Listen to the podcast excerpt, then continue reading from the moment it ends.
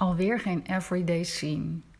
Morelia spilota, a.k.a. ruitpython. Een jong met drie ogen. Langs de Arnhem Highway in de buurt van Humpty Doo. Wat doe je met een derde oog? Behalve roem vergaren op Facebook.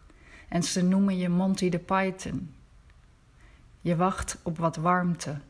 Langs het warmbloedig zoogdierpad. Inner space, outer space, lokale tijd, lokaal licht. Een slang weet als geen ander dat niet alleen oren horen, maar elke cel in een body. Alle cellen in een body, daar komen de noise sources. Maar op welke spatial frequency zitten die hagedissen, muizen, konijnen? And so you think you are shy.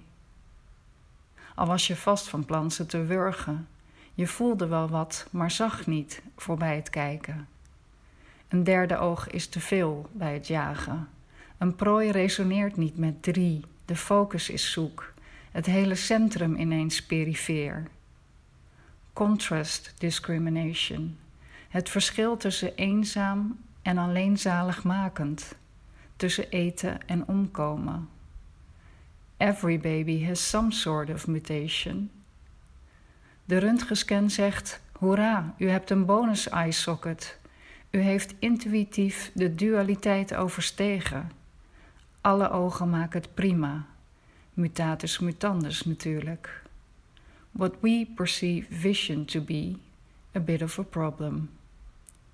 Morelia spilota, in the act of spilling. Spilling in the name of. For resonance on the low beta brainwaves, 13 Hz. Extra ohm sound on 111 Hz resonates on the bridge between theta and delta. Third eye activation, 288 Hz.